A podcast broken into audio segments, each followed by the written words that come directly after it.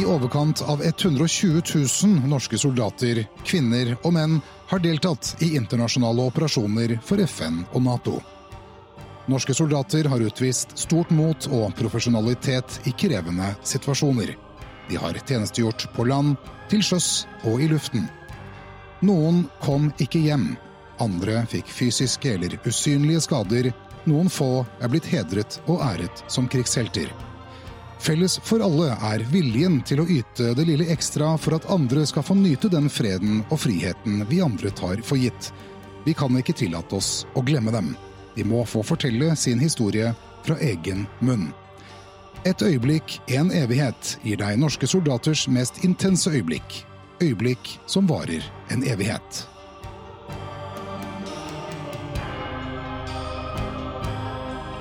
Det var en sånn følelsesmessig eksplosjon over å ikke gjort det rette som gjorde at alle kom hjem. Jeg måtte legge et sånn følelsesmessig lokk på meg selv for å kunne ha fokus på, på det å være militær leder i, i den situasjonen. Velkommen hit til eh, et øyeblikk, en evighet igjen. Og eh, vi er i bygning 1 på Akershus festning. Eh, de gamle kontorene til, til Gunnar Sønsteby. Egentlig er det en gammel vaktbu som ble bygget rundt 1750. Og det har vært veldig mye spennende som har skjedd her opp gjennom årene. Og nå er det et lite museum for, for bl.a. de som har mottatt krigskors, og, og en del av Gunnar Sønstebys gjenstander og historier fra motstandskampen. Med meg i dag så har jeg sersjantmajor, faktisk Norges første sersjantmajor. Rune Wenneberg, velkommen. Tusen takk, kjempespennende å være her. Du har jo vært med lenge. altså Når det kommer til veteran, så er jo du en av de, de nålevende veteranene som har vært med på Du har vært med på ganske mye. Ja, jeg har jo vært soldat siden 1988 og, og frem til i dag. Og i mellomtida så har jeg rukket åtte utenlandsoperasjoner. Jeg skulle ønske det var ti-tolv, men åtte var det jeg rakk. Vi tror vel at åtte kanskje greier seg for mange, vi da. Når vi snakket om, om, hva vi skulle gå gjennom her i dag, så sier du at det som har gjort at du har forblitt i Forsvaret, det er, det er menneskene. Det er mannskapene. Soldatene. Du snakker om det hele tiden, men du, du har også sendt de samme menneskene og mannskapene ut på ganske farlig og risikofylt oppdrag. Er ikke det en dualitet der? Det, det, det, er definitivt en, en, form for dualitet her. Men samtidig så er det jo en, en, veldig bevisst handling blant oss militære ledere i forhold til det å ha et eh, eierforhold og et, det som kaller et slags operativt kjærlighetsforhold til de soldatene som, som, du sender ut. Og ikke minst så føler vi på ansvaret knytta til, uh, til å sette soldatene våre opp for suksess. Det å trene de opp slik at kunnskaper, ferdigheter og holdninger eh, gjør de i stand til å vinne. Og ikke minst gjøre det som er rett når, når man havner i en eksamen i utlandet. Når du snakker om eksamen, så, så, er det jo det Det kan jo være ganske festlig, det, i den forstand at da snakker vi om, om skarpe operasjoner med skyting og den slags. Det stemmer. Og du har jo vært med på en, en mengde, vil jeg tro, trefninger og, og, situasjoner som kanskje ikke har eskalert så langt, og, men hvor du har følt på det å være i strid og i kontakt med fienden. Er det noe som på en måte har festa seg i, i, forhold til det? Første gang noen skøyt på meg, da var jeg en ung, uerfaren og umoden 21 år gammel lagfører i, i Libanon. Og det var kanskje et av de mest sjelesettende øyeblikkene i forhold til at jeg innså at jeg egentlig var en amatør. Og det prega meg etterpå, både i forhold til hvordan man, man takla det, og eh, ikke minst hvor uforberedt man både teknisk og mentalt var på å havne i en sånn situasjon. Som, som gjorde at jeg si, profesjonaliserte mitt mindset som soldat når, når jeg reiste derfra. Og tok egentlig jobben min mye mer på alvor, slik at når jeg seinere i karrieren min havna i mye mer ekstreme situasjoner enn, enn det jeg opplevde som, som ung 21-åring, så, så, var jeg veldig godt forberedt på det. Jeg var forberedt på hva jeg skulle gjøre, hva som var forventa av meg. Jeg hadde trent på dette her tusenvis av ganger. Og det var eh, på ingen måte så stressende som man skulle tro, eller som man kanskje opplever på, på film osv. Ja, for vi kan jo ikke akkurat dra paralleller rett til film, hvor, er, eh, hvor, ting er, er mer eh, staged. Og virkeligheten er jo ofte litt mer kaotisk og uoversiktlig. Men så har du da gått veien videre. Du hadde en klar karrierevei eh, gående. Men før vi kommer inn på det, så, så tenker jeg alle disse misjonene du har vært på, og du har vært lenge nok ute, du, du nevner åtte deployeringer. Har du klart å se noen forandring på de stedene vi har vært? Det som jeg, jeg lærte ganske tidlig, det var jo at uh vi soldater vi, vi, vi, fokuserer på de oppgavene vi er satt å gjøre.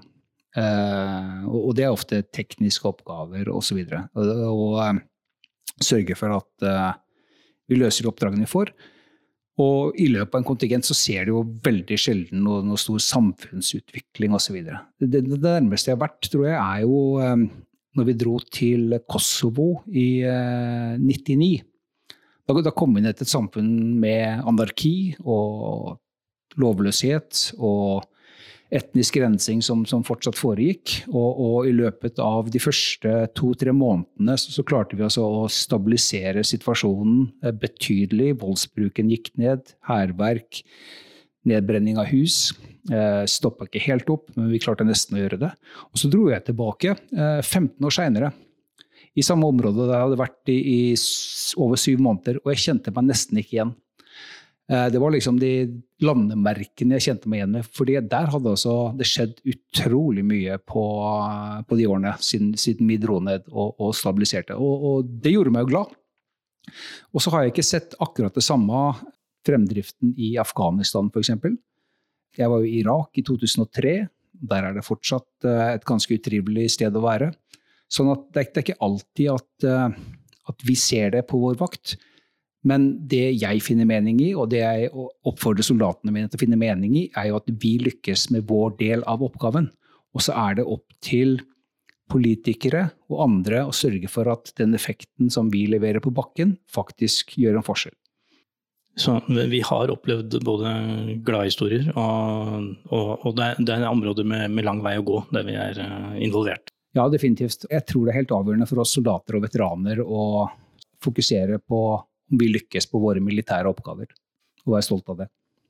Å være stolt av ting er jo en del av det vi prøver å bestrebe, uansett hvilken avdeling vi hører til. Eh, ditt eh, mest berømte øyeblikk var kanskje ikke noe du ønsket å skulle komme. Du ble berømt for krigsropet til Valhall.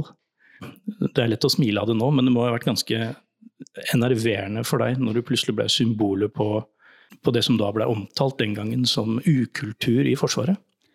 Ja, det, det, var eh, Det var en ganske absurd opplevelse når, når dette liksom traff det offentlige rom. Jeg, jeg var jo på, på videreutdanning i, i, Danmark på den tiden, og så får jeg eh, så visste jeg jo at, at, det skulle skrives noe om det, og at det ikke nødvendigvis kom til å bli positivt vinkla. Det hadde vi liksom fått uh, et varsel om. Så jeg tror jeg klokka seks om morgenen så får jeg en, en tekstmelding fra en uh, venninne av meg uh, som er politimann. Så det sto på noe sånt som Fy faen, Rune. Har du sett nyhetene? Og det, og, det hadde, og det, hadde, du jo ikke. Det hadde jeg jo da ikke. Så, sånn at dette her Ja, jeg, jeg, jeg, slet med å forstå både hva problemet var, og, og hva vi hadde gjort galt. Fordi at dette var jo en periode Eh, i Afghanistan da jeg dro hjem, har aldri vært så stolt i hele mitt liv over det vi oppnådde. Både det vi, det vi fikk til, eh, måten vi unngikk å få sivile skader. Og, og jeg altså, reiste hjem med, med, med, hjertet på utsida av stolthet over, over, soldatene og den oppgaven de hadde gjort. Og så går det noen måneder, og så blir vi plutselig symbolet på alt som er galt i Forsvaret. Det, det, var, det var, en ganske absurd opplevelse. Og jeg har fortalt det mange ganger før, men jeg har egentlig aldri hatt stressreaksjoner i kampsituasjoner. Men jeg har jo lest og jeg har sett, og jeg vet jo hvordan stressreaksjonene er. Da fikk en, altså, da fikk jeg nesten alle stressreaksjonene. Fordi at det å slåss har jeg brukt hele livet mitt på å forberede meg på. Både mentalt og fysisk. Men det å gå i dette her, kan du si, tillitsbruddet, dette, dette, tillitsbaserte bakholdet, sånn som jeg opplevde det da, det, det, ga meg faktisk eh, alle stressreaksjoner by the book. Og, og jeg brukte litt tid på uh, å, å, få huet over vannet igjen mentalt, for å si det sånn. Jeg kan ikke forestille meg hvordan du hadde det, men jeg, jeg tenker jo at uh, bare det å uh, oppleve å få dette stigmaet, dette stempelet, se seg selv på forsiden av aviser med vikinghjelm og, og ganske høy machofaktor, når vi som kanskje kjenner litt mer til konteksten, tenker at det her er tatt helt ut av sammenheng. Du må jo ha følt deg ganske forsvarsløs? Ja, eh, man, man blir, jo, blir, jo, det. Og når man i tillegg ikke egentlig skal forsvare seg heller, egentlig bare legge seg ned og, og ta imot juling. Det er jo ikke det vi er selektert eller trent for. Eh, så, så, så, så det var en ganske sånn krevende, krevende, periode. Men, men eh, takket være en kone jeg er veldig glad i, en familie som, som backer opp, og ikke minst eh, veldig gode kollegaer. Eh, generalinspektøren for Hæren på den tida, Per Sverre Opedalen med, med, flere. Så, så eh, kjente jeg at jeg hadde den, den, støtten i ryggen. Og ikke minst fra, fra soldatene. Noen uker etter dette her, du, så, så, vekker eh, kona meg opp en, en lørdags morgen og sier at eh, hun har eh, ødelagt bilen nede i garasjen, en garasje under den blokka vi bodde på i København. Og jeg ble liksom forbanna på henne. Det klokka sju om morgenen. og ja, kan du ikke fikse det sjøl? Nei, men du, jeg måtte komme ned. Så, så jeg tar nå på meg eh, Undiken og, og tusler ned i, i, garasjen, og der står det altså 70 krigere fra gamle kompaniet mitt og skriker kamprop og uh, drar meg ut på en heidundrende fest. Det, det, er altså omsorg for, for hverandre. for da da visste de at jeg var inne i en eh, tøff periode, og da kasta de seg på danskebåten og dro ned. Koordinerte med kona, god operasjonssikkerhet, jeg hadde ikke mistanke om noen ting, og hadde en, en kjempehelg, og det var akkurat det jeg trengte. Det er jo en grunn til at du ble i Forsvaret. At du kom deg gjennom dette her sånn, og, og valgte å, å, fortsette karrieren. Eh, kanskje ble det jo en litt annen retning enn du hadde sett for deg, men, og det kan vi jo snakke litt om. Fikk du brukt den opplevelsen til eh, å dra deg videre? Definitivt. Jeg har jo alltid sagt at det beste stedet å lære er jo i brytningspunktet mellom å lykkes og mislykkes. Og, og, eh, og her satt jeg definitivt i, brytningspunktet mellom det jeg trodde jeg hadde lyktes med, og det samfunnet tydeligvis opplevde jeg hadde mislyktes med. Sånn at ut av det så, så lærte jeg mye. Jeg, jeg, lærte jo, hvis vi skal se litt sånn stort på det, da, eh, i forhold til uh, dette burde du ha skjønt tilbakemeldingene, at dette kom til å bli et problem så, jeg, så, lærte jeg i hvert fall at det hjelper ikke bare å gjøre det som er riktig. I, altså I dagens åpne mediesamfunn så, så må vi også bli oppfatta riktig. Og, og, og, det har jeg tatt med meg videre. Uten at jeg skal uh, sitte igjen med å bli veldig sånn, politisk korrekt og så, og så, videre, så har jeg i hvert fall blitt betydelig mer bevisst på hvordan, ikke bare hva vi gjør, men hvordan folk oppfatter det vi faktisk gjør. Du har jo også vært i eh, operasjoner og i skarpe situasjoner som har vært eh, svært alvorlige. Du har jo vært med å miste soldater. Er det det verste? For meg så, har, så er det å miste soldater definitivt eh, det, det verste. Det er jo det er mye man kan mislykkes med, men det å komme hjem med færre enn du dro med, det unner jeg ingen. For min del så var det i 2010, da vi var ute på et, eh, et, et siste oppdrag. Vi skulle kjøre en, en dagsoperasjon. Og i løpet av en halvtime ut i operasjonen så ser jeg en, en kjempeeksplosjon foran meg på den ene vogna. Samtidig som, som vi går i et bakhold. Og, og, da skjønner jeg at uh, dette kom til å bli stygt. Og i de minuttene som fulgte da, så, så, er de jo opptatt med å få kontroll på situasjonen, uh, besvare ilden. Og etter noen minutter så ser vi bevegelse på vogna. Og, og, Stian, som er vognkommandør på vogna, kommer ut og sier at eh, vi har uh, to skadde, men Jokke er død. Og, og, for meg da så, så husker jeg at det, det, var en sånn følelsesmessig eksplosjon.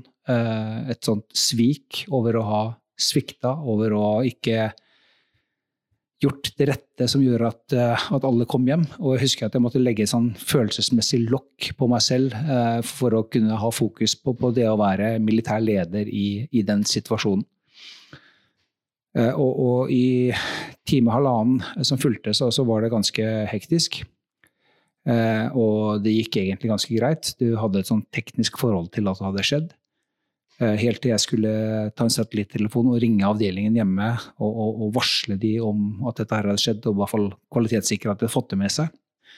Og når jeg plutselig måtte si det ut, hva som hadde skjedd, så, så var det første gang jeg ikke bare teknisk forsto det, men så følelsesmessig traff meg.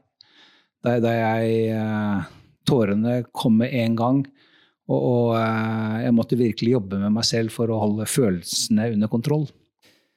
Og jeg har jo mange ganger sagt at det er den verste dagen i mitt liv, men, men samtidig så, så, ble det på mange måter en av de beste også. Fordi at måten soldatene våre håndterte den situasjonen på, både under og etter, eh, har altså sjelden gjort meg så stolt i hele mitt liv. Den, den profesjonaliteten de, de utviste, Eh, dagen etterpå, da vi skulle liksom tilbake på hesten og kjørte inn i samme område igjen, der vi ser de menneskene som sannsynligvis sto bak dette her, står og skuler på oss, der vi setter på gameface og smiler og vinker.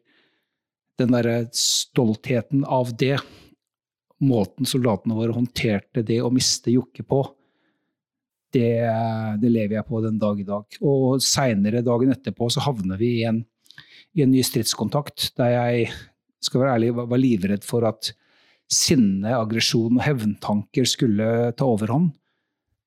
Det var fullstendig disiplin på avdelingen. Minimum ildgivning, målangivelser. Man stansa ilden med en gang det var effektivt. Altså ren profesjonalisme. Mens vi samtidig alle tenkte på hevn. Vi, vi var sinna, vi var, vi var lei oss. Men det tror jeg som, som skiller profesjonelle soldater fra, fra, amatører, det er også evnen til å håndtere det. Og som jeg sier, Derfor så gikk, ble den verste dagen i mitt liv også en av de beste.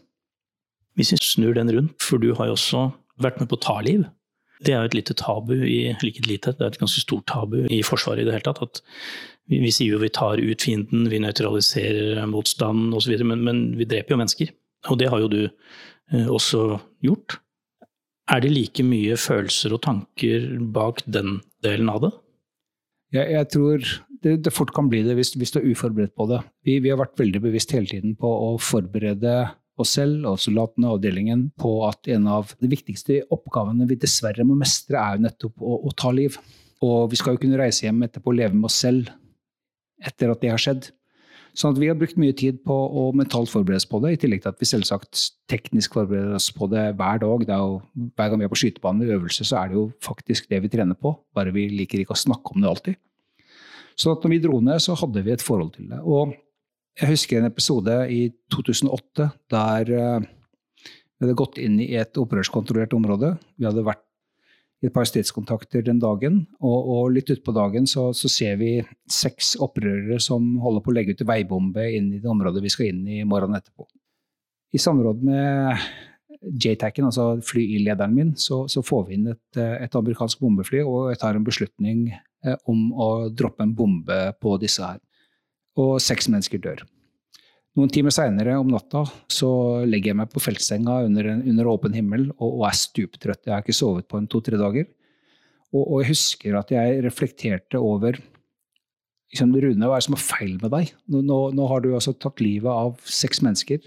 Altså seks mennesker med tanker, følelser, håp for fremtiden.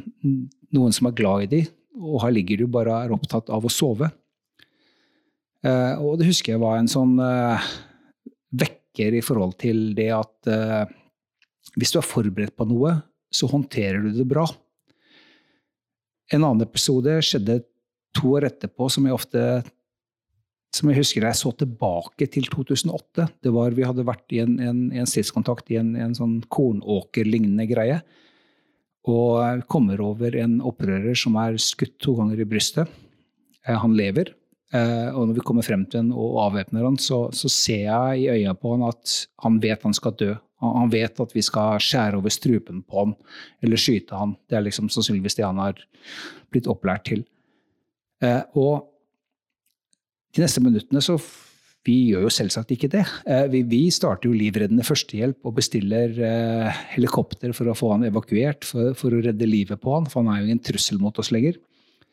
Og jeg husker at eh, det å se blikket hans og se den der reisen i, i ansiktet hans når han blir forvirra og ikke skjønner hva som skjer, og, og etter hvert skjønner hva som skjer, så husker jeg at jeg tenkte tilbake på, på 2008, liksom, da, jeg stilte litt spørsmålstegn med er, er, det, er, det, noe feil med oss som er så kyniske på dette her? Men, men da husker jeg at jeg tenkte at jeg er jo kjempestolt av å være en del av, av en norsk hær som, som, opptrer på denne måten, som har så respekt for menneskeliv, som er i stand til å ta liv når det kreves.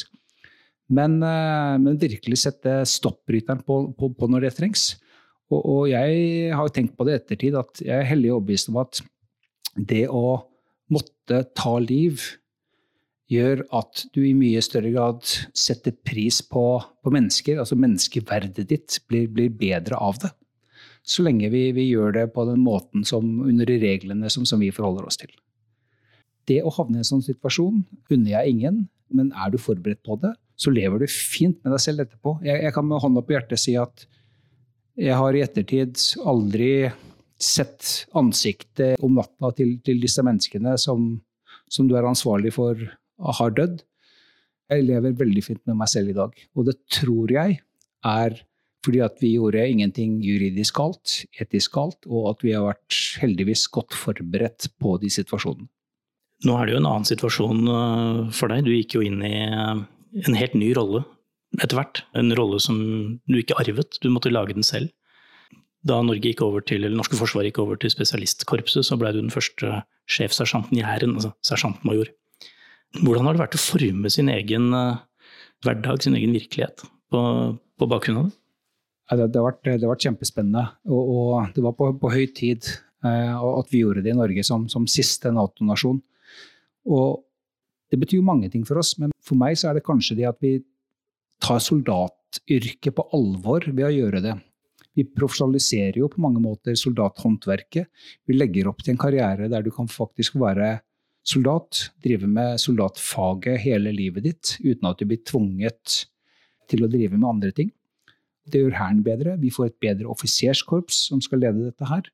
Vi ser i dag at vi, er, eh, vi har svært dyktige sersjanter og grenaderer i Hæren som jeg trygt kan overlate stafettpinnen til når, når min vakt er over. Hvordan passer narrativet med å være veteran inn i den hverdagen du har nå? Altså, inntoppsveteran kontra altså Nå er det en debatt som går akkurat veteranbegrepet.